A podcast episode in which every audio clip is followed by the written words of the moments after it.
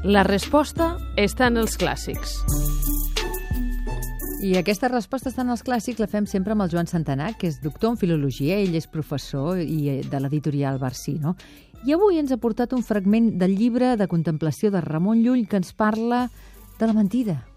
Efectivament, Llull ens parla de la mentida. I com ens en parla? Doncs ens en parla en aquest llibre, que és el llibre de contemplació, que és un extensíssim repàs eh, sobre tota la creació, i sobretot intenció d'accedir a la transcendència, però en aquest cas, eh, el capítol 125, que és d'on forma part del el, el passatge que llegiré, és, forma part d'una sèrie de capítols en què parla de l'oïda. Eh? I diu, diu el següent. Eh? Diu, virtuós senyor, sobre totes virtuts, en la, en la qual totes boneses prenen acabament. Vos heu, heu donat als homes oïment, és a dir, oïda, eh? Per tal que per les paraules que hom ou, escolta, aperceba hom e entena la voluntat i el pensament que hom ha en lo cor.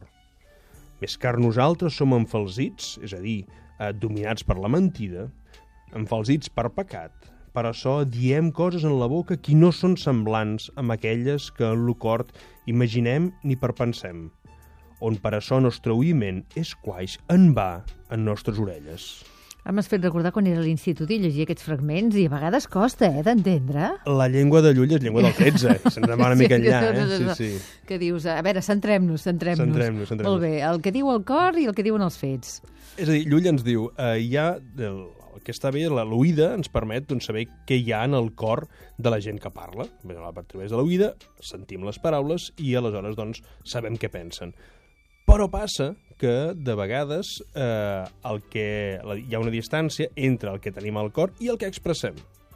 Eh, I, per tant, eh, aquest, la capacitat d'oir, aleshores, si el que ens diuen és una cosa que no correspon al que tenen al cor, en el fons estem fent un mal ús d'aquesta capacitat de parlar i d'escoltar. De, I, per tant, per això ell diu que de vegades aquest ús és en va.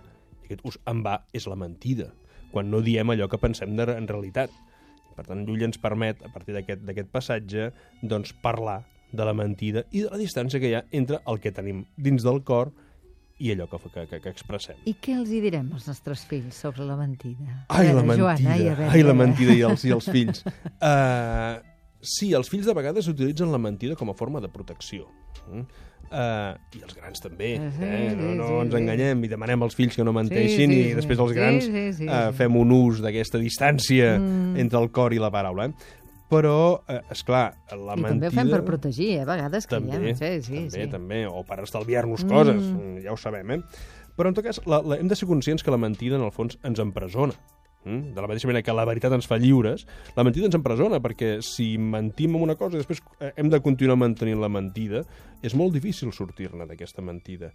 Uh, I això els nens i els nois, els, les nenes i les noies, uh, n'han de, ser, de ser molt conscients. És allò que uh, s'agafa abans uh, un mentider que un coix. Eh? Per tant, eh, si hem de fer ús de la mentida, ja no demano que no es faci mai ús de la mentida, perquè si tots diguessin la veritat podríem acabar molt malament, però si hem de fer un ús de la mentida, que sigui un ús molt mesurat eh, per un mateix, perquè si no, si has de mantenir la mentida, costa molt. Si més no, que els joves aprenguin a no mentir-se a ells mateixos, que això ja seria això important. Seria genial. On ho trobarem, això?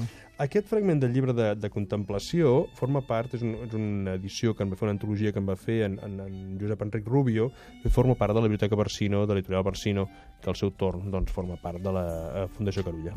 Fragment del llibre de contemplació de Ramon Llull. Avui eh, la resposta està en els clàssics. Moltes gràcies, Joan Santanet. A vosaltres.